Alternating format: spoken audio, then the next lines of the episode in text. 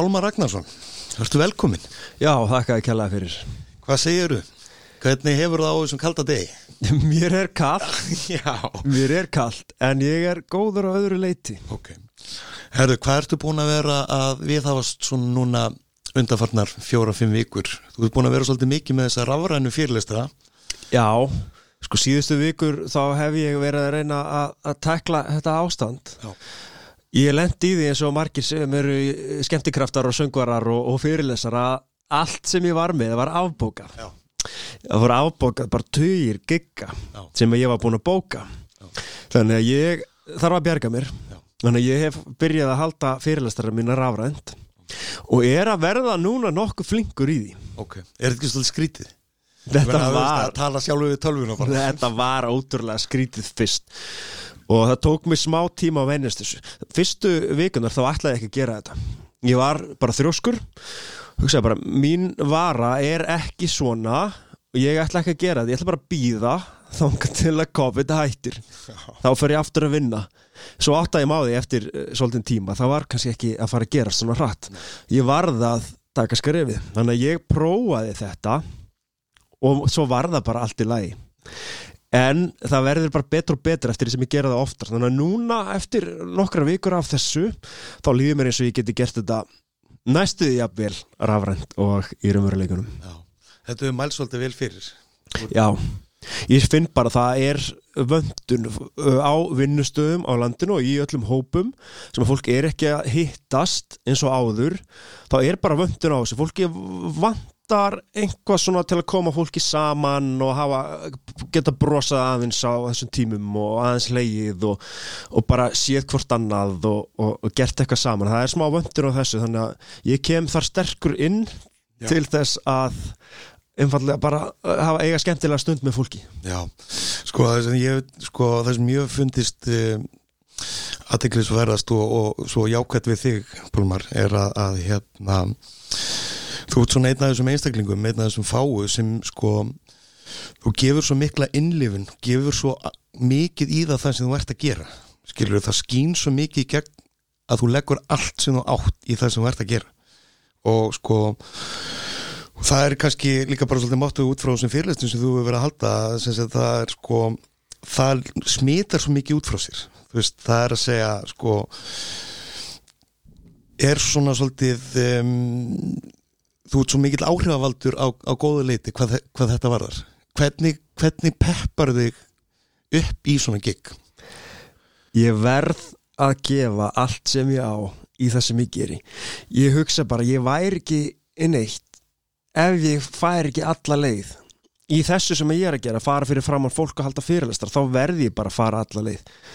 Og það, það er bara stór ástæð fyrir því hvað hefur gengið vel. Ég held að ef ég færi af stað í ykkur hálfkáki, þá hefði þetta aldrei gengið svona vel.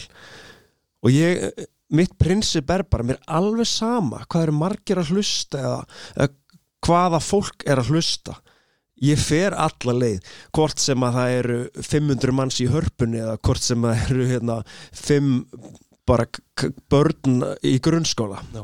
það, þau fá 500 manns í hörpunni og 5 börn í grunnskóla fá sama performance frá mér ég hugsa bara um leið og ég gef einhvern afslátti því að, fara alla leið Já. að þá á ég bara að fara að gera eitthvað annað Já, sko þetta er einmitt um, hvað, hvern, hvernig, hvernig, hvernig undirbyrðu þig? Þú veist, um, ertu, ertu með einhverja ákvæmna filosófíu sem þú hérna, setur upp fyrir sjálfa þig áður og áður, og áður hefur, hefur sjóið? Ja, núna líður mér eins og ég þetta sé komið svolítið í blóðið ok, og ég, þetta er svolítið svona gýr sem ég get bara kveikt á bara með ít að taka Já. þannig að, en í upphafi var það náttúrulega ekki þannig. Nei, þannig að þetta var um Svona fyrst, Já, í rauninni er þetta bara mjög löng þjálfun og æfing. Bara mjög löng sem hefur komið uh, þar sem ég er núna. Í upphafi þegar ég var að fara að halda fyrirlestra þá var ég með svona góða rútina sem ég var kvöldið áður að æfa mig. Ég var morgunin að æfa mig.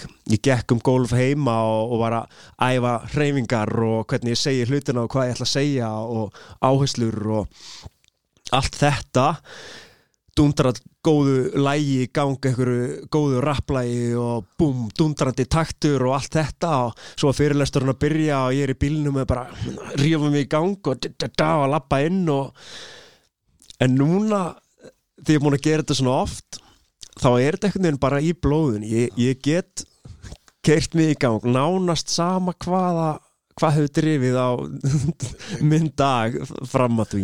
Ok, það er náttúrulega bara það er ákveðin eiginleiki sem þú ert búin að þjálfa þig upp í og, og hérna kannski, kannski líka bara bara byrtingamind af því að æfa sig og, og halda áfram. Já, ég held það. Þegar að ljósinn kvikna þá get ég ítt að takanum á on Já. Já, Sko, en svona aðeins, að þessum rafrænu fyrirlesturum, hvað hefur þú tekið eftir, sko, veist, það sem maður hefur kannski tekið líka eftir að rosalega margi sem eru að vinna heima og þú veist, það vantar þennan, þennan félagskap og, og við erum að lesa, lesa fjölmiðla, lesa samskiptamila og, og kommentakerfin og þarfum þau gott og það það sem eru kannski svona fátum fáadrætti að svona jákvæðu leiti svona upp á, upp á kannski sí- síðkasti um, auðvitað hefur þetta allt áhrif á okkur og, og hvernig við hugsum og þarfum til gottunum sko, er, hvernig ert að setja upp uh, þessa fyrirlestra? Er þetta sko, þú veist eins og það sem ég tók eftir í þessari flottu bókina hér það er einmitt um, jákvæð samskipti við okkur sjálf einmitt á samskiptamilum, á töluposti og þar fremda gotunum það sem við kannski erum ekki að gera okkur nægilega kannski grein fyrir því að við séum í samskiptum. Þetta hefur greiðarlega áhrif á líðanum okkar. Já, ég held að fólk uh, ætti að hafa það í huga til dæmis á netinu bara a- a- að vanda sig. Bara hvað setjum við uh, frá okkur á netinu uh, af því að hvað hvernig við skrifum og orðum hlutina hefur bara áhrif að fullta fólki í kringum okkur sem að lesa þetta. Þannig að við höfum alltaf val um það hvort við ætlum að hérna að vera uppörfandi eða hvort við ætlum að rífa fólk, annað fólk niður. Eða fá fólk til að reyna að líta á burtuhliðarnar eða, eða það er neikvæði þannig að ég held þessi gott fyrir fólk að hafa því huga bara hvernig það orðar hlutina og, og hvernig það tekur þátt í umræðu. Og ég held að umræður á netinu séu klárlega að finna góða en við þurfum að vera málefnaleg Já. og, vanda bara hvernig við orðum hlutina Já. þannig að ef við verum ósamanleikur við komum með rök frekar en að vera kannski ljót í aðtúasemnum hvernig við skrifum hlutina mm. þannig að, einfallega bara passa okkur hvernig við skrifum Já. orðum, orðum málin þetta er líka kannski líka út frá biológikinni þú veist, um, þess að þú ert mentaður í sálfræði, þú veist, þetta er sko það, þetta hefur líka áhrif á okkur. Þetta hefur sko, þú veist, þetta tendur upp tögakerfið, þess neikvæð samskipti þau tendur upp tögakerfið sem hefur áhrif á svona grinnri öndun, hraðar hjarslátt hærri blóðþrýsting getur haft áhrif á vestandi blóðsökustjórnun og þar fremdu göttunum þannig að þetta er sko þetta er alveg klár, klárlega ein byrtingamind af góðri heilsu, það er að hafa uh, og bara mjög mikilvæg byrtingamind um, í það að hafa góða heilsu, það er að hafa góð samskipti. Já, algjörlega. Og, og bara ef við munum þetta, við getum haft góða áhrif á fólki í kringum okkur. Já. Og við þurfum að hafa það sérstaklega í huga á þessum COVID-tímum því það er bara mikið af fólki sem er að gangi í gegnum erfiða tíma. Atvinnuleysi og fjórasáhyggjur og fólk er einmana og, og hittir ekki marg og áður og saknar þess að snerta og knúsa og við þurfum á því að halda. Uh, það er bara, bara í okkur. Við þurfum á líkanlega snertingu að halda.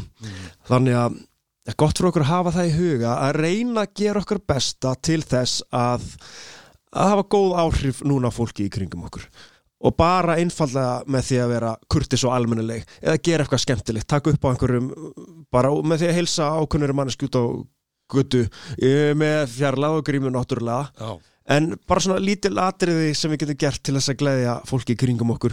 Og hvernig tölum við um ástandi við vini og fjölskyldu. Núna eru til dæmis mjög líklega bjartari tímar framundan. Já. það virðist vera sem að bóluefni nálgist þannig að fólk getur mögulega verið svolítið bjart sínt núna á næstu mánuði. Og þá er svo gott að hugsa tilbaka við viljum hugsa tilbaka því einn daginn verður korona ekki partur á okkar lífi. Þá vil maður hugsa tilbaka og hugsa býtu ok, þetta voru, var heilt ár cirka eitthvað sem var mjög erfitt en ég allavega fór í gegnum þetta og reyndi að gera mitt besta og ég reyndi að hafa góð áhrif. Og mér leiði ekkert alltaf vel og ég leiði mér alveg að líða illa líka sem er bara eðlilegt en í kringum annað fólk þá reyndi ég allavega ekki vera að draga það niður með mér heldur frekar að íta þeim upp. Og ég held að við getum verið svolítið ánað með okkur að þessu ástandi loknu ef við getum hugsað svona tilbaka, herru ég allavega gerði mitt besta. Já, það er yfirleitt erða nóg að gera sitt besta sko.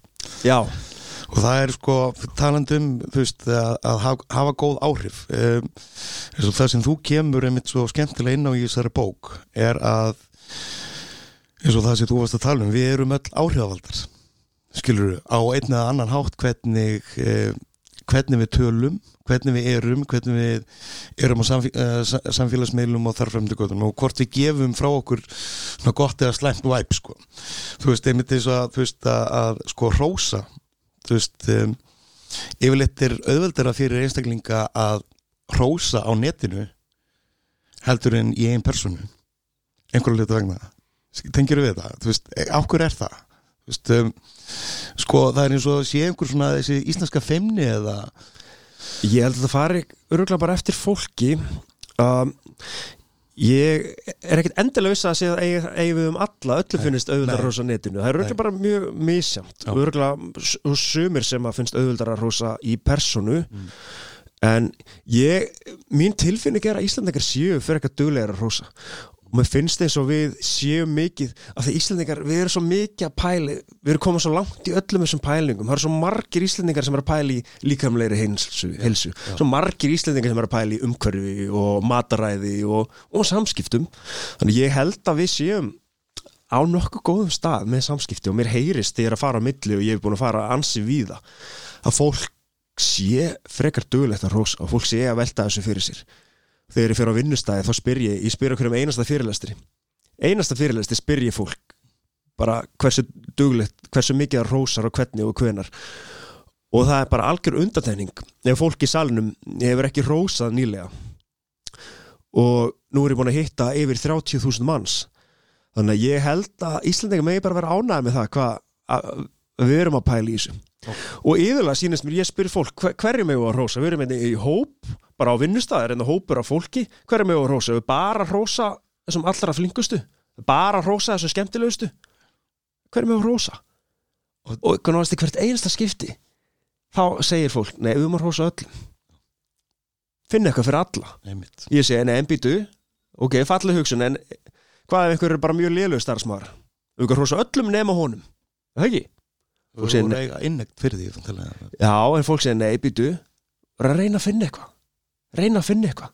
Því hvað er það sem að gerist þá? Þegar fólki líður að það getur gert gagn þá langar fólki sjálfa að gera meira og meira gagn. Þannig að mér heyrist og þetta gerist bara hvert einasta skipti sem ég held fyrirlestur. Að fólk er á sömu línu og ég er með þetta. Þannig að mér heyrist sem að fólk sé bara flinkt í að rosa og ég er algjörlega þessari línu. Reyna að finna eitthvað fyrir alla. Já það ef að fólk er ekki að gera gagn og er ekki að standa sig þá er það mjög oft út af því að þeim líður eins og þeim þau get ekki gert gegn og skiptir ekki jafn mjög máli hvað þau gera. En nú leið að fólki líður þess að þau geti gert mikið gagn séu skemmtileg fólki sem líður þess að séu skemmtilegt það er líklæra til þess að vera skemmtilegt og hafa góð áhrif á fólki í kringu sí fólki sem líður eins og séu leiðilegt og öllum finnst þau vera leiðileg það er ólíklæra til þess að reyna að fara að breyta eitthvað til. Þannig ég held að sé alltaf gott að reyna að gefa fólki ástæði til að, að langa til þess að leggja sér meira fram með að standa sér betur. Já, það er sko ofaslega margir punktar í þessu. Það er sko það er sko við erum náttúrulega mörgin sem við erum mísjöfn og, og, og hérna allir hafa einhvað gott uh, fram að færa á nokkuð svafa. Og þannig að þetta er bara spurning að, að líta svolítið um, sko að fara inn í daginn og bara þú veist um, segja ok, ég ætla að vera jákvæður í dag setja svolítið fórgrunni fyrir það reyna að finna og sjá það jákvæða í hlutunum. Já, og reyna að finna eitthvað fyrir alla. Þannig að ef einhverju kringum hann er að hafa slæm áhrif á aðra í hópnum þá getur maður reynd að búa til aðstæður þar sem að svo manneska uh, hefur góð áhrif á einhvern rósi í kjölfarið og sjá hvað gerist. Kannski verður þetta til þess að þeirri manneski langi til að fara aðeins betri áhrif. Svo kemur einhvern tómar annað tækifæri upp aftur rósa manneskinu fyrir að hafa góð áhrif og draga þannig manneskina í rétta átt með rósum ég reyni svona, ekki beint tengt þessu en bara tengt ég að hafa góð áhrif Vist, ég, ég vakna ekkit alla dag og er bara rosa jákvæður. Og fólk er alltaf að lýsa mér í fjölmjölum og svona sem jákvæðast maður landsins og alls konar svona sem ég held að sé bara alls ekkit rétt. Af því ég var bara fullt af dögum þar sem að mér líður ekkit vel og ég er ekkit sjúklega peppaður og, og allt svona. Það sem ég má samt eiga er það að þegar ég er í kringum annað fólk þá reynir ég alltaf að hafa góð áhrif. Þannig að þó að minn dagur sé ekki fullkomun ég vakni þreyttur og eitthvað súri yfir einhverju ástandi og alls konar. Þegar ég fer svo í kringum fólk þá reynir ég samt að hafa góð áhrif á annað fólk. Og um leið og ég gerir það þá fer mér sjálfum að líða betur. Og meðan ég er í kringum annað fólk þá líður mér vanilega bara frekar vel og ég er að hafa góð áhrif og þau eru að hafa góð áhrif á mig. Þannig ég reyna að leggja það í vana minn. Og þetta verður svona til þess að, veist, að mér sjálfum fer að líða betur. Sama því ég er að ferðast í útlöndum. Mm ég er svo þakklátti fyrir það tækifæri að vera íslendingur og geta ferðast út um allan heim. Fólk, þú veist, ég er búin að ferðast svo víða núna og fólk í mörgum löndum á ekki eins og bara vegabrif Nei. bara er ekki með vegabrif þau er ekki að ferðast þess að við erum að gera. Þetta er bara algjört luxustækifæri sem við höfum. Og ég hugsa, ég er hérna ferðast í landi. Ég ætla að þakka fyrir mig þetta tækifæri með því að reyna að hafa bara góð áhrif á alla sem ég hýtti þannig að ég er í útlöndum í ykkur svona framandi landi þá reynir ég bara að hafa góð áhrif á allt fólk sem ég hitti. Ég fer ekki inn í búð á þess að hilsa skemmtilega og segja eitthvað skemmtilegt um manneskina og ég sé hvað það hefur góð áhrif á þau og ég verð gladur á móti. Þetta verður bara svona algjört win-win situation. Þessum að ég er að hafa góð áhrif á aðra og þau hafa góð áhrif á mig og báðum líður betur í kjölfarið. Já, þú veist, maður hefur farið sko, maður hefur alveg farið í mann eftir einu atvikið, það var einhvern mann í hérna, stoppaði einhvern mann í bílu og þar var ákveðslu manneskjan sem kom bara einhvern veginn hoppandi glöð böð mig góðan daginn og, og, og hafði bara þannig útgæslun að hún bara svona breytti mútun hjá manni. Þú veist þetta var sko, þetta var alveg ég bara, ég man þetta. Að það sko, þetta var, var eitthvað þungu fyrir mm -hmm. og hún bara, hún breytti þessu ókunn manneski. Þetta er ótrúlegt hvað fólk getur haft mikið áhrif alveg rosalega. Og þú manst þetta mörgum árum setna og þetta er, er þannig sem moment sem að þú ættir ekkert að muna eftir ef þetta hefði verið venjulegt Nei. moment. En þarna bara einhver manneski sem að ákvöður það að hafa góð áhrif og, og, og skilur þið eftir með þessa minningu. Já, og bara, þú veist, einhvern veginn bara save my day og það er alveg, alveg stórkvæmslega Það er alveg magna og þetta, þessi manneskja hún er öruglega ekki að gera þetta í fyrst skipti þú veist, það sem hún gerir þarna þetta er einhver, ég held afleðing einhvers svona lengra tímabils, þar sem hún kannski fikra sig smám saman í þessa átt, þanga til hún komin á þann stað að, að ná þessu. Þannig ég segi, fólk er ekkert að vera með það væntingar að geta gengið nút og bara breytt lífi fólks. En bara með því að byrja smátt. Fyrir sögum að byrja þetta bara því að bjóða segja góðan daginn út á götu svo getur maður að prófa aðeins að breyta til og gera eitthvað aðeins meira og sé bara hvernig fólk bregst við. Já, er þetta var skemmtilegt, svo eitthvað aðeins meira. Svo endanum, þá getur maður þótt bara, bara auðvildast í heiminum að fara upp á ókunnuri mannesku og eiga bara skemmtilegt spjall í tvær þrjár mínútur sem að skilja manneskin eftir í góðu skapi. Bara með því að taka þessi litlu skref. Fara aðeins lengra, aðeins lengra. Mm -hmm. Ég, þú veist, þetta er sko þarf ekki endilega, endilega kannski endilega að segja hlutina. Stundum er bara ein, einlegt brós mm -hmm bara sko bara yfirdrifið sko. Já. það er alveg sko í stæðin fyrir að vera sko brinja sér skil mm -hmm. og, og hérna vera eitthvað að hugsa, nei, herðu hérna, ég ætla ekki að vera að brosa til eh, brosa til hans, þú veist, ég þekki neitt Nei, einmitt. Áhverju ætti hann að þurfa að fá bros frá mér þetta er sko þetta er einhvað svona þetta er einhver svona tilbúningur hjá okkur. Einmitt og eins og kemur fram í bókinu sem ég skrifaði mm. það kemur bara fram að bara algjör yfirbörða meiri hluti minni, ég man ekki tölunum, hvort það hefur verið 97 eða 5% finnst gaman þegar ákunnut fólk uh, brostið til þeirra Já, í þessari stóru rannsókn sem þú gerðir Já, Já. það bara spurði ég, það voru 1300 mann sem að tóku þátt við spurði bara hva, hvernig áhrif hefur það á þegar ókunnult fólk brostið til þín bara, bara, bara verið frá mjög slæmi verið mjög góð bara 98% sögðu bara mjög góð eða frekar góð áhrif. Ó, þannig að það er bara nánast ómögulegt að, gera eitthvað rámt með því að brosa til ókunnus fólks. Já, sko en svo líka bara veist, er þetta ekki bara svolítið þannig uh, Pálmar að þegar þú brosir og, og gefur einstaklingi einhvað svona um, gefur einstaklingi bara við gefum ein, einstaklingum bara svona ákveðna tilfinningu að hann hafi einhvað svolítið hann skiptir máli. Þetta hefur alveg gríðarlega sko mikla svona biological virkni. Mm -hmm. Vist, við erum sko þetta, er ekki, þetta eru tilfinningar. Og sko tilfinningar stjórna svolítið vantarlega bara svolítið hjá okkur líðan og hegðun og, og, og, og þar fremdu góðunum. Við erum að, við erum að horfa aðeins á sko horfa bara svolítið á staðrendir vantarlega en sko svo er náttúrulega sko einmitt húmórin líka Mm -hmm. þú veist, um, það er að segja sko maður stundum uh, þessi, þessi kaltænis húmor og, og þú veist, hann er svona sko, húmorun á, á, á netinu er, þú veist, er öðruvísi skilur myndir og einhver hérna, einhver, einhver kvót og annað skilur er öðruvísi heldur en kannski í í, í one on one eða í hópum Mm -hmm. Um, þetta hefur allt saman bara gríðarlega jákvæði áhrif.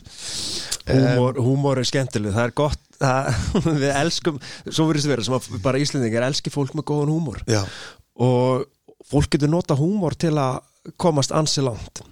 Þannig að fólk verður að reyna að finna húmorin hjá sjálfur sér. Og húmor er ekkert nema æfing. Bara fólk sem er alltaf að reyna að sjá sniðu hlut, uh, hliðina á hlutunum verður flinkara í því. Og fólk sem er alltaf fast í erfiðleikum og, og hérna formuleihitum það einhvern veginn tapar smá saman hæfileikunum á að, koma með nota húmor.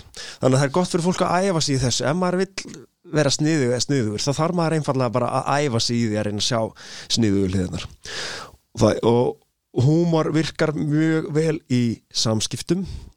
En svo er þetta með kaltænina að kaltænin hún skila sér ekkit alltaf. Nei. þannig að uh, það er kannski eitthvað bara varlegið ekki alltaf vera kaltæðin ekki alltaf, því að kaltæni hún dregur oft svona úr ákveðnum aðstæðum, hún er oft svona notu til að draga fólk aðeins niður og já, svo er það líka með húmorinn sem er orðið svo flóki í dag. Um, um, hverju má gera grínað og hverju ekki og ég fíla svolítið, ég hef alltaf virðingu fyrir því að fólk vanda sig Vist, ef, þú- ef þú getur verið fyndin á þess að draga annað fólk niður þá er það briljant Vist, nú er ég alls ekki uppistandari en ég fæ fólk til að hlæja þegar ég er að halda fyrirlestra. Mm fá fólk bara mjög mikið til að hlæja og því er að fara og vera veislustýra og alls konar. En ég er bara með prinsip.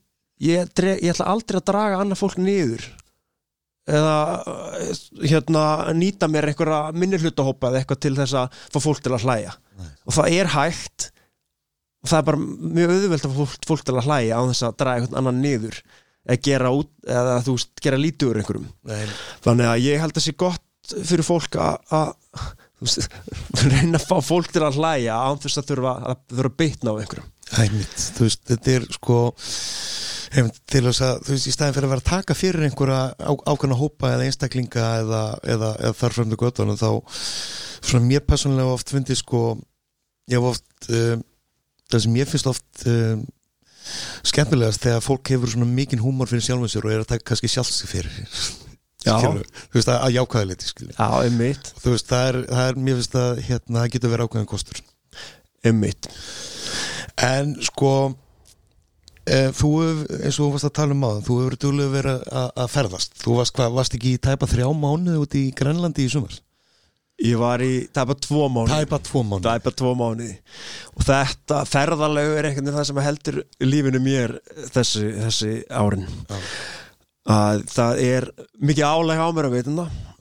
Og það að fara upp á svið fyrir framann fólk það er bara mikið álæg og ég held að flestir myndi tengja við það. Fólk óttast að fara upp á svið og, og, þó ég sé orðin vanur því þá er þetta alltaf þetta er alltaf hrikalegt álag. Þú veit að fara upp á svið fyrir framann uh, 200-200-300 manns og þú, þú veist ekkert hvað það ert að fara að upplifa. Þannig að, og þegar maður er að gera það hverjum degi og jafnvel ofta á dag þá er þetta bara svaka mikil keisla. Og ég held að með því að taka mér svona álveru frí ég tek mér bara álveru frí. Þá næ ég að viðhalda mínu starfsaldri í þessu miklu lengur. Já. hver veit nema ég væri bara komið með nóg ef ég myndi ekki farið frí. Ég væri bara hættur, ég væri farin að gera eitthvað venjulegra. Já. og sama með körruboltin, ég er búin að þála körrubolti í 13-14 ár. Ég hugsa, það var rosa erfitt fyrir mig að halda upp þessu svaka tempo sem ég er með á æfingum. Því ég gef mig allan í hver einu stæfingu ef ég var að gera það allan daginn, allt, allt ára við hring. Já. Mér líður eins og ég þurfi að taka þessi frí þannig að á sömrin þá tek ég mér tveggja mánuða frí. Þar sem ég fer erlendis og ég er ennþá fyrstu eina, tvær já svona fyrstu tvær vikum þar er ég ennþá alltaf með hugan við tölvuposta og það er aðna og eitthvað svona stress og streita og fyrirlestrar og Já. eftir svona tvær vikur, svona þriði viku þá einhvern veginn er það, þá er það alveg að hverfa sko. Ok, það fara að draga undan. Já, þá er það að hverfa þá léttir bara þvílíkt á mér sko, streitur levelið í líkamönnum mínum það bara, bara sekkur sko. Finn það bara munun á mig líkamlega. Og svo ég viku svona fjögur bam þá hugsa ég um tölvupostaði í eina sekundu það er bara einhvern veginn farið úr raunveruleikanum mínum. Og þessi tími þarna þar sem að allt álag er bara ekki til í kerfinu. Eina sem þú ert að pæli er bara á hvað hótel átt að gista þá nóttina. Um, það er svo mikill léttir í lífinu. Manni líður eitthvað svo vel, þetta er svo mikil frelsun. Og það að ná nokkurum vikum út af því að síðustu vikuna er maður aftur farin að pæla í tölvupostinu sem býða á allt það. En að ná hann að nokkurum vikum tveimur, þreimur vikum algjörlega frjáls við álags og streitu og svona hugsanir. Úf því líkur luxus í lífinu. Ha, elska það. Og ég held að þetta sé ástæðan fyrir því af hverju ég get kert svona á mig á veitunar það sem er stundum bara uh, bara fáralega mikið álag mikið, mikið kessla hvernig, ertu með einhverja aðferðir til þess að sko þegar þú finnur að, að álæðið er orðið svolítið kannski svona, ef maður segir kannski íþingjandi ertu þá með einhverja aðferðir til þess að hérna halda þig niðri? Þú veist, þú, þú náttúrulega þú veist, ert að reyfa þig og er, er það, er það aðal hérna svona sko ég reyfi mig og ég, ég reyna að reyfa mig hverjum deg ég finn það þegar ég reyfi mig, þá liður mig vel. Ég get ekki reyft mig ég hef ekki tíma eða eh, glíma við einhver meðsli þá líður mér ekki að vel í lífunum þannig að reyfing er bara algjör líkill að því fyrir mig að, að líða vel. Og ég held sér klárlega að hleyp út stress og álægi og bara því betur æfingu sem er næð því betur líður mér. Mm, en ég er með töfratæki sem að ég bý yfir það bú ekkert allir yfir og þetta hefur hjálpað mér mjög mikið. Það getur verið minn, einn minn mesti galli en líka minn einn mesti kostur. Ég get sopnað ég og margir tengið það að geta sopnað en ég get sopnað á svolítið sérstakann hátt. Ég get sopnað á innan við tveimur mínútum þegar maður langar til. Já, um, og ég lít á þetta sem kost í dag Já. en þetta var minn stærsti galli áður þegar ég var í venjulegu minnum og þegar ég var í skóla. Af því í skóla þá sopnaði ég að meðaltali svona 5, 6, 7 sinum á dag. Í hverjum einasta tíma þá sopnaði ég. Gat ekki haldið mig vakandi. Í vinnunni, þegar ég var í vinnu á skrifstofu þá gat ég ekki haldið þá kom bara svefnin yfir mig, þreytan bara gerðist bara svona, byrjaði hérna að sapnast upp í hausnum á mér og svo bara sopnaði ég fram á skrifborðið. Og stundum meira sem fór ég inn á klósett bara settist þar á klósettið bara með klósettið lokað skiluru og tilti mig bara þar og stilti vekjarinn á tíu mínútur og bara sopnaði í bíó þá sopnaði ég nánast alltaf. Það er eitthvað, eitthvað í mér sem að læti mig sopna nema hvað að þegar að það er svona mikið álag og þegar að ég er kannski búin að halda þrjá fyrirlestar saman daginn og er að fara að halda fjórða og ég er bara líka hefðin er bara einhverjum yfirsnúning þá get ég lagst upp í rúm stilti vekjararklukkuna bara á kannski 12 mínútur frá þeim tíma sem ég leggst upp í rúm loka augunum svo sopnaði ég. Svo vaknaði ég 12 mínútur síðar. Allt annar maður. Þetta er ótrúlegt og þetta hefur svo góð áhrif á mig. Þegar því ég er á yfirsnúning og er bara alveg að farast úr hérna einhverju streytu og spennu og það er geta tekið svona 100% reset. Það sem ég bara loka augunum dett út, svo ringi símin hmm, hmm, hmm, hmm. Vakna, já hvað er hérna, já ég er að fara að halda fyrirlistar eftir hálftíma, það er kekkja Þetta er ekkert smá Þetta er ekkert smá reset maður. Hvað hérna sko, talandi um þú veist þegar það, þú ert að halda kannski þrjá uh, þrjá fyrirlistra á dag um, og þú er kannski búið með tvo og þú ætlar að fara að taka af og þú segir sem svo að þú náir ekki að leggja þig skilur þú veist og það er komið streyta og það er þú veist adrenalínu alveg á flegi ferð hvað með þú veist hvað með einbyttinguna er hún er hún alveg eh, fullskorp sko, ég hérna held sko að ég nái hérna alltaf að ég næ alltaf að, eins og ég sagði í byrjun ég næ alltaf að setja ondtakkan af Já. ég get alveg viðkjönd það, ég hef alveg upplifað það að vera búin að halda ég minn þrjá fyrirlestra að vera að fara að halda fjórða og svo er 50 kannski eftir það þá hef ég alveg verið á leiðinni bara búin á því. Ég kannski klára af því að þú veist, ég held eitt fyrirlestur. Þá, maður klárar orkunum sína. Maður fer alla leið, þetta er svo mikið adrenalína og svo mikið svona svo mikið, þetta er svo mikið álag á hausinn Já. að fara upp á svið. Og fólk þengi bara við þessum hefur gert þetta. Og maður gefur sér allan í þetta. Þetta er bara rosalega orka, svo fyrirlesturum búinn og maður er bara búinn á því. Maður, er, maður langar ekkert að fara eitthvað spjalla mikið við fólk, maður langar ekkert að fara og hérna uh, þú veist, í partí eða eitthvað veistlu, maður vill bara fara heim og undir sæng. Bara að horfa sjónvarpi, bara algjörða slökun. Þannig að þegar ég er búin með eitt svona orkan farin, fyrir annan, búm, tek annan aftur þetta, svo tek ég þriðja bara, hú, og orkan er bara rosaleg búin að eiga sér stað. Þá hérna, já, eiga að fara og halda fjórða það er ekkert auðveld Nei.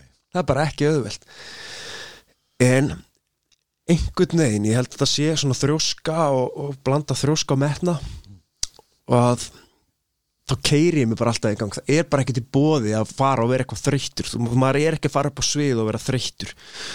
Þannig að ég, ég fer upp á svið og tek fjórða og ég gef mér bara allan í það eins og þetta væri síðasti fyrirlesta sem ég myndi halda á æfinni og svo er fyrirlestunum með fimm fara á eftir og þá verð ég bara með sama hugafar um leið og ég mættur upp á svið þá bara búm þá, þá bara þarf ég að þetta er bara eins og að vera að spila hérna köruboltaleiki í framlingum maður þarf bara að kreista Kreista síðustu drópana og ég ætla ekki að, að láta það spyrjast út um mig að ég slaki eitthvað á Nei. eða gefa eitthvað afslátt.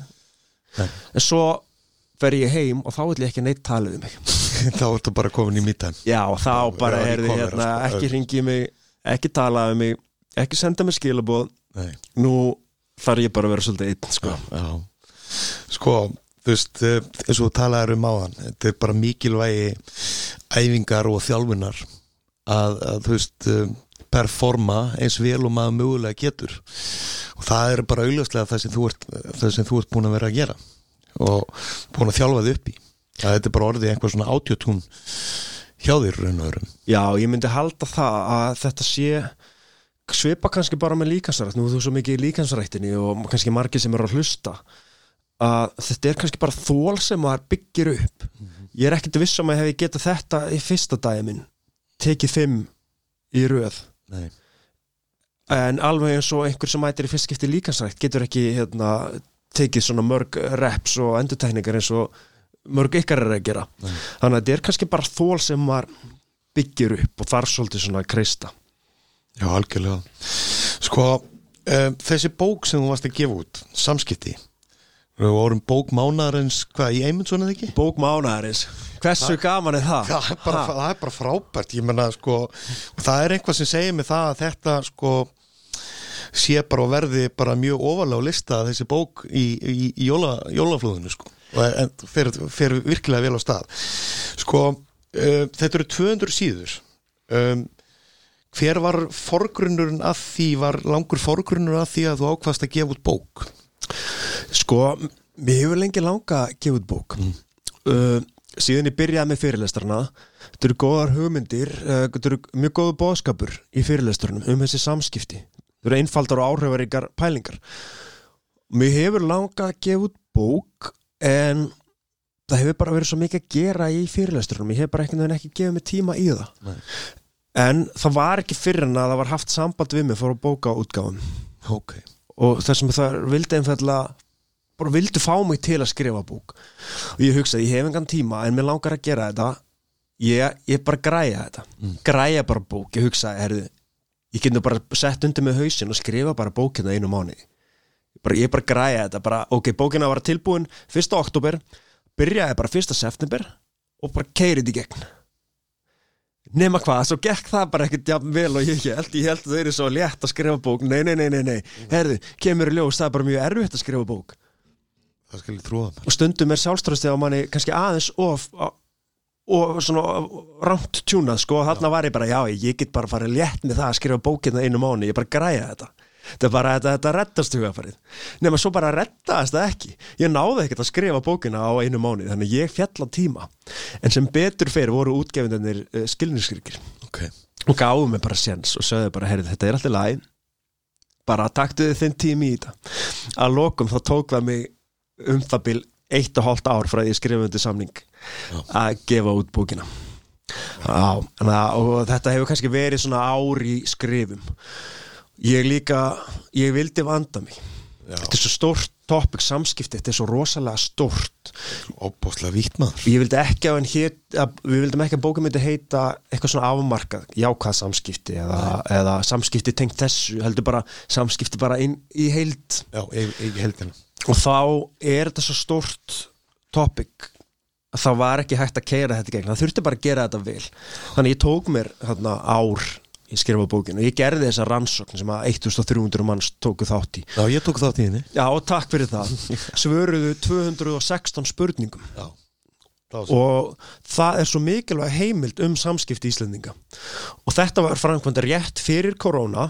Það verður bara ótrúlega áhugavert þegar að næsta rannsókn verður framkvæmt hver sem að gerir hana að bera saman við niðurstöður þessar rannsóknar. Já. Herðu, hvað, hvað hefur breyst tíu árum eftir korona eða hérna tvei mánuðum fyrir korona? Það verður rosalega áhugavert. Það verður ákveðvert að sjá. Sko, þetta er hérna þetta er bara virkilega hérna vel uppsett þessi bók og, og hérna ég fekk hana hjá þér. Ég held ég hafi bara verið með eh, bara með, var ekki bara með fyrstu eintökunum sem fekk þetta í handnir Ég held að þú hefði fengið eintak númer þrjú í hendurnar. Já, fyrsti maður í hús, mættur bara. Þú áhuga samur alltaf. Já, þetta er sko, þetta var hérna, þegar kemur á bókum þá hérna er ég virkilega áhugaðsamur og, og finnst gaman að lesa. Um, sko, bara máli er að þetta er svona eina af þessum bókum sem maður byrjar á og svona ég fór svolítið hratt í gegnum og á eftir að lesa hann aftur í gegn það eru svo margar æfingar í henni. Mm -hmm. og það er einmitt, um, það er einmitt það sem er talað um að sko þú fer ekki varhluta af í þessari bók er að sko mikilvægi æfingarinnar. Emmitt Ég held að eigi sko sjaldan betur við en emmitt í samskiptum. Emmitt Og það, mér finnst það vera svo algengt hugafar hjá fólki að hugsa maður er ekki að æfa sig í samskiptum maður að æfa sig í öllu öðru. Og fólk er svo mikið að æfa sig í líkansrækt og mataræði og allt, alltaf að æfa sig en að taka framförum. En fólk er ekkit endilega að pæli því herði, ég get eft mig í samskiptum. Ég get eft mig í því að bregðast svona við þegar einhver kemur svona fram með mig. Ég get eft mig í því að gera svona þegar að þetta kemur upp. Ég get eft mig í öllum þessum hlutum.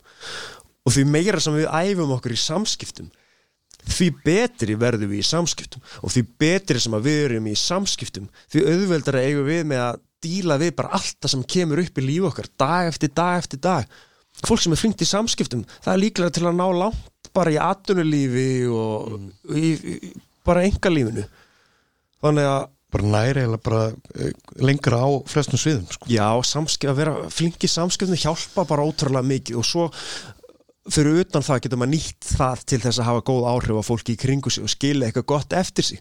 Þannig ég held sé bara ótrúlega gott fyrir fólk að bara markvist æfa sig í svo ég er búin að fá fullt að skila bara frá fólki sem er að, er að lesa bókina er, að skrifa inn í bókina og er að gera æfingarnar. Emmitt. bara setja sér að markmið að gera æfingarnar. Það eru hundrað æfingar og dæmi í bókinni og sem að fólk getur einfallega séð, já, herruðu það, bara fólk getur opna bókina hvar sem er hver, eitt, hver einasta skipt sem opna bókina það var bara svona ný, ný kabla fyrirsögn Mm. sem getur bara lesið um það.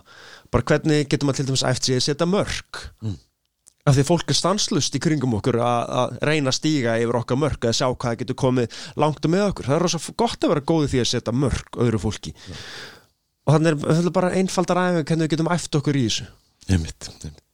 Þú veist það sem sko það var hérna í öðrum kapla um, samskipti í hópum sem ég ræði koma aðeins inn á áðan. Um, það var svona svolítið set on point lestur fyrir mig sko. Um, það eru áhrif okkar einmitt á umhverfið. Það er semst áhrif okkar góða slæm. Það er það sem ég kannski líka bara persónlega svolítið mikið tekið eftir og hefur verið svolítið svona horfandi eftir eftir svona eftir að ég las þessa bók er sko bæði það sem við erum að lesa þú veist á, á fréttamöðlum hjá á newsfeedinu og það sem við erum að horfa á í hérna, já, á sam, samfélagsmiðlum. Hvaða áhrif þetta hefur á í raun og veru samskipti okkar út af við við aðra, það sem við erum að taka inn veist um, þetta hef- hefur sko hvaða, þú veist eins og, eins og þannig ég lesi hérna smá aðeins upp úr bókinni, uh, hvernig hef ég áhrif á fólkið í kringum mig í kjölfarið er gott að velta fyrir sér hvernig áhrif vil ég hafa fólkið á- þannig en það vil ég hafa á fólkið í kringum mig. Já, við verðum bara að pæla í þessu. Af því við erum að gera þetta bara meðvitað og ómeðvitað þá erum við öll að hafa einhver áhrif. Og sumt fólk enn úti sem er að hlusta er að hafa góð áhrif. Já, á alla sem að hittir.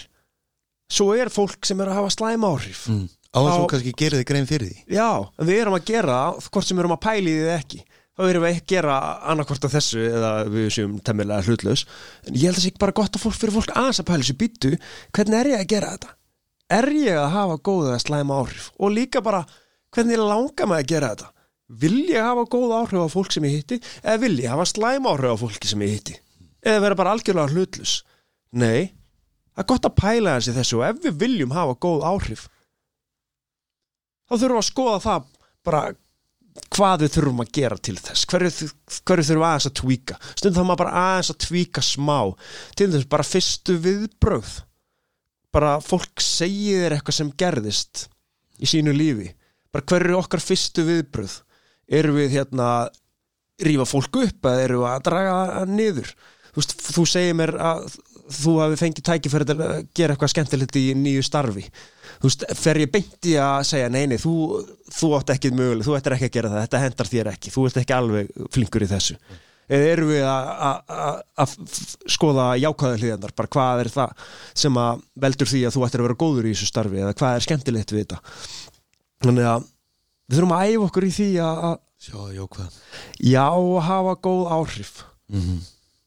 Það er sko við ættum öll að, auðvitað, sko, að vilja hafa góð áhrif en, en svo sko ofta og svona þegar maður segir bara svona enn, enn að frasa sko á þessum síðustu vestu þá, þá sko erfileikar hjá fólki þú veist um, maður er ekki búin að missa vinnuna og, og hérna er ekki að sjá sko í raun og veru ljósu enda gangana sumstaðar, skilur við það getur verið ímislegt sem get, veist, hefur áhrif á, á hugan, á hausinn um, sem veldur því að fólk verður bara neikvætt. Og þá í raun og veru kannski er oft stittra í það að ef til vill einhverjur einstaklingar vilji kannski ekki hafa vilji ekki hafa góð áhrif. Mm -hmm. ljótt að segja það sko en, en einhvers staðar er þetta svona. Veist, um, þá er það sko það er aflegging af, af hérna, einhverjum andlum þingslum eða þar frem til gotunum þá er kannski gott bara að breyta og, og leita sér kannski bara hjálpar og, en þú veist ég, ég er allavega svona svolítið, svolítið trúaður fyrir því eins og það sem ég líka las úr þessari bók hvað við getum gert svo mikið sjálf. Mm einmitt. Reyna að taka málinn sinni eigin hendur. Og ég er algjörlega því að það er, það er ekkit alltaf hægt að segja fólki sem að er að glíma við erfileika eða líður illa það virkar ekkit að segja bara, heyrðu, lítu bara á jákvæðaliðnar brostu bara. Bara brosa og þá líður þau betur. Það bara við uh, alvarlegu þunglindi og, og slíku, þá bara virkar það ekkit að segja fólki bara brosa eða líta jákvæðum augum á hlutina.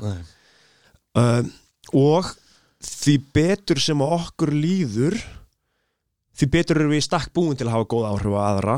Þegar okkur líður illa og við erum niðri þá er erfiðara fyrir okkur að gera þetta. Og okkur, við höfum kannski ekki sama passion fyrir því. Þannig að það er heldur ekki hægt að segja öllum bara eigi að hafa góð áhrif á alla aðra sem ég hitti bara alltaf. En þannig að ég held að þetta er kannski svona þetta bara fer svolítið eftir aðstæðum. Þannig að þegar þó að ef fólk er í gangi um erfileika og, og, og bara eins ástand eins og núna þá virkar ekki fyrir mig að fara upp á öllum og segja bara, lítu bara, ertu bara jákvæður? Þurftu hérna, brostu bara. En ég get samt reynd að vera til staðar mm. leift fólkinu að tjá sig og hlusta. Ég get reynd að gera þetta augnabrygg sem við erum að eiga allavega skemmtilegt þó að almennt sé kannski dagurinn ekki daginn er ekki góður Nei. þá getur kannski allavega verið byrt smá til með að við erum hérna saman að spjalla það getur allavega kannski verið skemmtileg stund. Þó ætla ekki að fara fram á það við manneskjana hún er bara að vera jákvæð alltaf. Nei. því að það er bara lífið er ekki svo einfalt. En ég get allavega hugsað þannig hei, meðan við hérna tvö erum að spjalla þá er allavega gaman. Mm. og ég ætla að reyna að hafa hérna góð áhrif. Og svo ég líka stundum slæma daga inn á milli. Mm. þá dýrka ég það þegar annað fólk er skemmtilegt við mig skilur algjörlega. Og þá verður, vá, herri, ég glemdi mér aðeins mér búin að líða illa hérna í allan dag en ég, ég glemdi mér orðið hérna í kortir ah, herri, svo er manneski farin að nú skal ég fara að líða aftur illa hérna skilur ég glemdi, ég glemdi mér meðan hún var hérna skilur svona áhrif getur fólk haft á hvort annað. Já, og því fleiri, segjum að hefur svo hitt aðra manneski sem er líka myndi, herri, hún lætur mér aftur gleyma mér hérna í klukkutíma. Herri, þá er ég kannski búin að gleyma mér hérna búin að gleyma þegar ég líði illa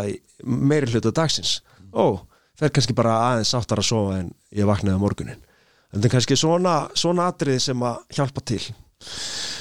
Sko uh, Þú ertu Þú ert að þjálfa í yngri flokkonum í, í hérna í val. Mm -hmm. uh, og þeir eru bara, hvað, hvað var fyrsta æfingin í gær? fyrsta æfingin í gær. Meira púsluð spilið var, var, var ekki, það var gleðin sem skein greinilega þarna hjá krökkonum Grein plakkaði svo mikið til, það var nánast allir mættir Já. Nástu, öll börnum varu mætt, ég bjóst við að sjá kannski 5-10 börn Ok. nei, nei, nei, nei, þau voru bara næstu öll mætt Ok og þvílíkt spennt það var eins og þau hefðu engu gleymt. Ég var aðeins að grínast í þeim. Þeir eru öruglega mann að gleyma því hvernig það var að drippla er það ekki?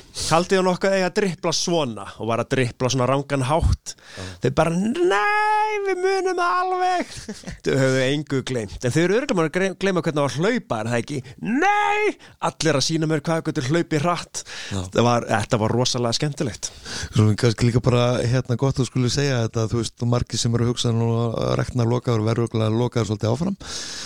að að hérna fólk einmitt sé, fólk kannski upplifir að sé bara svolítið, svolítið mikið búið að missa svolítið, svolítið mótsjóðið eh, og svona svolítið hefnina sem það var búið að vinna- upp en sko líka minn bara er bara svolítið þannig fyrirbæri að hann gleymur ekki gleymur ekki því sem Nei. sko, þú, þú læra hjóla skilur og, og þú á kant alltaf að hjóla En þetta er kannski svolítið öðruvísi kannski með íþróttir.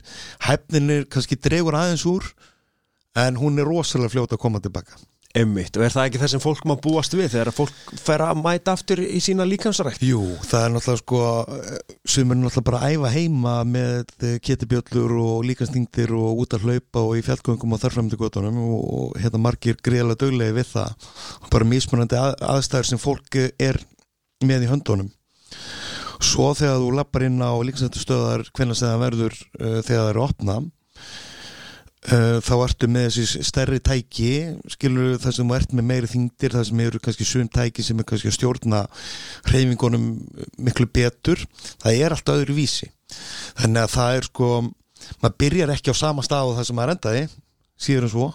Heldur þarf maður bara hérna svona stimpla sig aðeins og byggja sig aðeins upp. Það er öruglega kannski bara mjög svipað og þú hefur kannski upplifað kannski sjálfur kannski á æfingunni gær að um, með, hjá krökkunum að kannski boltafærnin var ekki nákvæmlega svo sama og hún var á síðustu æfingu að lokaði Mm -hmm. skilur við, þannig að en þetta er svona líkams memorið, body memorið það er rosalega fljóta tikkin Einmitt. Svo má maður ekki gleyma því að við svona skort þá gerir maður hlutina skemmtilegri. Það er, ég hugsa þetta svolítið svona í þessu ástandi.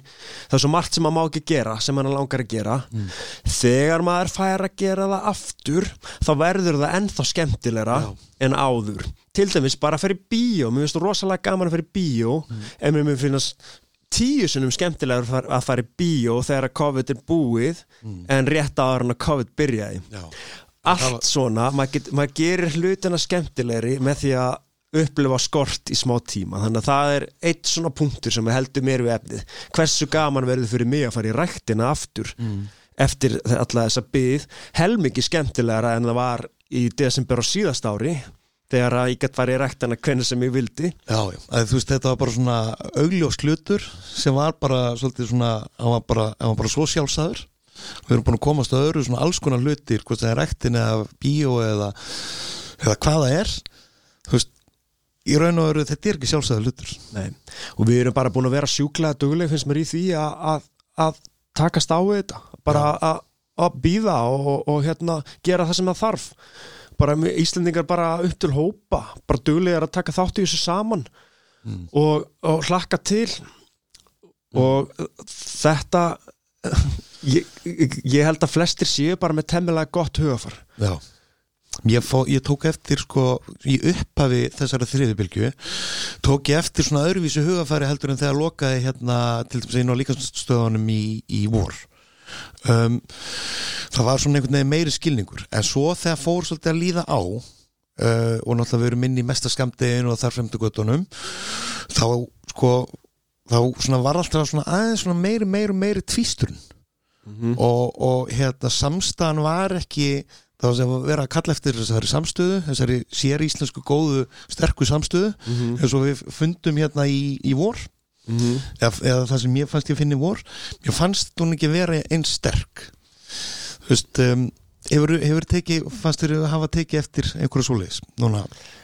Já, en ég sko ég er svo gaman að tölu um á prósentum. Ég myndi bara vilja bara sjá bara rannsó til að geta að tala almennilega um þetta.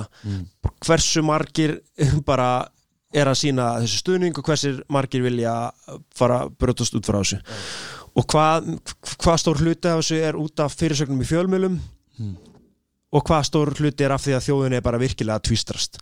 Og mín tilfinning er, en ég hef enga tölur að baka er að yfirgnafandi meiri hluti sé ennþá sína samstuð Já. og sé ennþá að gera sitt allra besta og passa upp á allt sitt og, og tekur þátt í, í lokunum en svo veit maður ekki hvað mikið af ósamstuðinni eru einstaklingar sem fá st- stórar fjölmeðlafyrirsagnir af því að það selur uh, klikk eða hvort það sé bara stór hluti fólks ekki. Mín tilfinning er að langflestir séu að passa sig og taka þátt í þessu og vilja bara gera þetta vel til að stytta tíman í heild sem þetta tekur. Þannig ég sjálfur er í heildina ánæður og nú er til þess bara ótrúlega mikið af fólk af vinnustöðum að hafa samband um mig. Mm. upp á fyrirlestra. Og þar eru bara allir að taka þátt í þessu. Bara allir vinnustar sem ég tala við og allir starfsmenn á þessum vinnustöðum er að taka þátt í þessu. Og það finnst mér gefa mér allavega svona mynda því að meiri hlutin er að vanda sig. Já, kannski er þetta líka bara kannski er þetta líka bara mann finnst það eftir hvernig maður sér þegar eru dre- dregin upp einhver neikvæð element bara í fréttum skilur og svo posta á samfélagsmiðla. Þar er maður kannski bara að taka eftir þessu. Já, maður veit ekki, ég var til að sjá bara prósentur, bara einhverja landskönnun hérna, bara hver er þið hver er þitt hugafar tengt þessu til að geta tala almennilega um þetta Ertu með einhver uh, ertu með einhver hérna svona sérstökur ráð fyrir um, einstaklinga núna svona inn í aðvenduna svona, svona inn í svona samskipta ráð sem væri til í að deila með hlustendum? Sko, ég held að sé gott að muna það að það er ljós við enda gangana. Það virðist vera sem að bóluefni til dæmi sé á leiðinni COVID ástandi það, það mun taka enda. Að muna það. Og ef það lætur okkur líða betur þá er það gott. Og þá þurfum við að muna hvernig viljum við tækla þetta ástand meðan það sem eftir er? 2, 1, 2, 3, 4, 5 ég ekki hugmynd mánuðir. Ok, við viljum náttúrulega eftir það hugsa tilbaka og hugsa, herðu, ég leti þetta ekki algjörlega slá mút að læginu ég reyndi að hafa góð áhrif á fólki í kringum mig og ég reyndi að gera sem ég gætt til að láta mér líða vel eða allavega uh, vel miða við ástandi sem er í gangi þannig að reyna að finna svona hjá sjálfur sér einhverja leið til þess að tækla þetta með, með góðu hugafari og það er hægt við að fólk í kringum okkur sé einmana núna mm. Vist, ég sjálfur er miklu meira einmana núna en á saman tími fyrra mm. um, við erum að muna það að fólk og jafnveg fólk sem lítur ekkert endilega út fyrir það að kannski getum við reynd að stinga upp á því að gera eitthvað skemmtilegt, til dæmis bara að ringja aðeins oftar í sumt fólk Já. ringja kannski fólk sem við hefum hirti í smá tíma uh, taka frumkváð því að hafa Teams eða Zoom fund með vinahóp fá alla vinina inn á Teams eða Zoom, bjóða kannski einhverju sem er rétt svo að við þreppið á vinahópnum aðeins fyrir utan með svona pæla að síði bara er hérna fólk í kringum sem að hefði kannski bara mjög gott af því að, að ég myndi taka stöðuna þeirri manneski þannig að það er kannski bara svona mín ráð núna í svona við lokina þessu COVID-tímabili. Já. og svo ef að ég er með ráð bara svona í lífinu og ég, nú, nú er kannski mikið ungu fólki að núti eða allavega ég veit að það er fullt að metnaða fullu fólki að hlusta á þáttinn og það sko ég myndi segja mitt besta ráð væri að maður vill ná árangur í því sem maður er að gera er að gefa aldrei afslott og þau eru ekki að tala um því maður er að rukka verð. Þau eru að tala að gefa sjálfur sér aldrei afslott af því að leggja sér fram. Og það er svo mikill líkill að því af hverju mér hefur gengið vel í mínu í kvörubaldaþjálfun með bókina og með fyrirlestra. Ég gef aldrei afslott ég legg mig alltaf allan fram.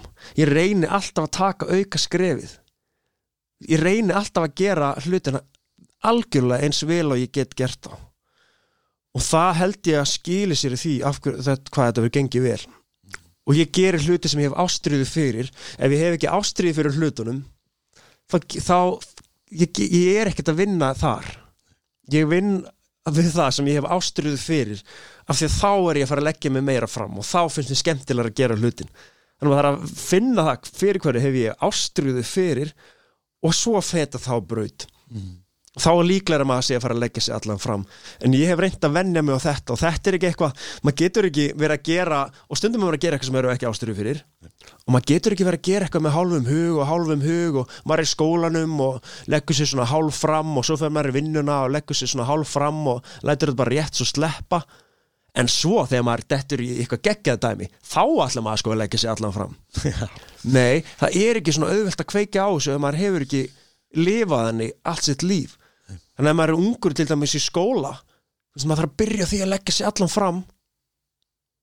Af því að svo þegar maður fær stóra tækifæri þá er þetta bara orðin vani hjá maður. Er ég manneski sem legg mig alltaf allan fram og gerir það ekstra? Því maður kveikir ekkert endilega á því. Og maður fær kannski ekkert endilega stóra tækifæri ef maður hefur ekki vanið sig á þetta. Þannig að gott fyrir fólk að vennja sig á það hvaða verkefni sem fólk er að gera. Fara alla leiði með það það er það sem hefur þess vegna held, já, þess vegna held ég mér líður þess að minn fyrirlestu sé bara mjög góður. Bara virkilega góður. Og bara stór ástæða baka það er ég hef alltaf lagt mig allan fram frá því ég var úrlingur í öllu sem ég ger, svo þegar ég kemur að ég vera að halda fyrirlestra þá er engin breyting þar á. Nei. þá hugsa ég bara, hva, hva, hvað get ég gert hérna ekstra til að láta minn fyrirlestu skara fram úr? Mm. Til að vera framúskarandi hvað get ég gert auka hérna, herðu ef ég gerir þetta hérna auka sem að fæ- fæstir myndur nenna, mm. herðu þá eru fyrirlestur mér ennþá betri, herðu ég gerir þetta hérna auka sem að fæstir myndur nenna, það er svolítið vesen að gera þetta þá er ég búin að fara, fara að skara fram úr. Mm. og þetta, þetta, og svo tínast til atriði. Og ég reyna að gera meir, fleiri og fleiri atriði sem uh, sem, eru sem taka- við. Já, taka auka skrefið sem er algjört vesen fyrir mig lengir ferlið og miklu meiri vinna og allt þetta en ég geri það Mm. og hverju skilar það svo? Því sem það er búið að skila.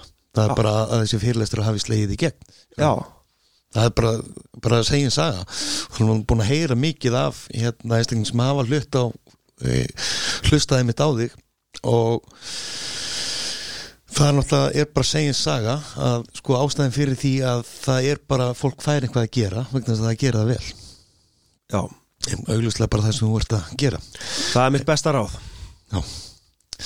Herðu, að lokum um, Hver er þín helsta fyrirmynd? Babbi. Kallinn. Babbi. Já, kallinn maður. Já, frábær. Pappi er mín fyrirmynd nummer eitt. Pappi er dásanlegu maður. Já, hann er frábær. Rosalega skemmtilegur. Og það fyrir mig að hafa alveg upp með pappa fyrir framan augun Mm. hefur bara gert rosa mikið fyrir mig í mínu lífi og mikið af þessum samskiptapælingum koma frá pappa og þegar pappi er maður sem að, sem að hefur góð áhrif á fólki kynningu sig og hann sýnir fólki aðtikli, hann hlustar vel hann bregst skemmtilega við þannig að Það er akkurat það sem ég tengi við einmitt við pappaðin sko. Veist, eh, ég man eftir honum Það eru Það eru svona Hvað? Já, það eru svona 20 ára síðan Þegar var, þegar ég var í Köruboltanum fjölni einmitt og hann var hérna Köruboltaþjálfari hann í yngri flokkunum með minniboltan og uh, ég var að dæma hann á minniboltamótum og einhver svona dóti þá bara, þú veist, maður bara man eftir þessari umgjörðna hann hafði bara, þú veist, uh, svo óbúslega góð og jákvæða nervir, sko. Einmitt. Pappi kemur inn í hóp og öllum í hópnum líður einhvern veginn betur Já. og það verður skemmtilegra skemmtilegra ára yfir öllum. Og ég hef haft þetta fyrir augunum alla tíð og hann pappi bara klárlega mín helsta fyrirmynd í öllu þessu sem ég er að gera. Og þegar ég fer upp á svið og hvernig ég reyna að ná hérna, tengja við fólkið og þetta er allt eitthvað sem ég sé pappa gera. Þannig að ég myndi segja það að pappi væri mín mesta fyrirmynd. Og svo að mamma mín náttúrulega indislega líka Já. og fyrirmynda að mörguleiti Herr Palmar, þakka kærlega fyrir komuna. Takk fyrir að bjóða mér, flottur þáttur og bara gangi þér vel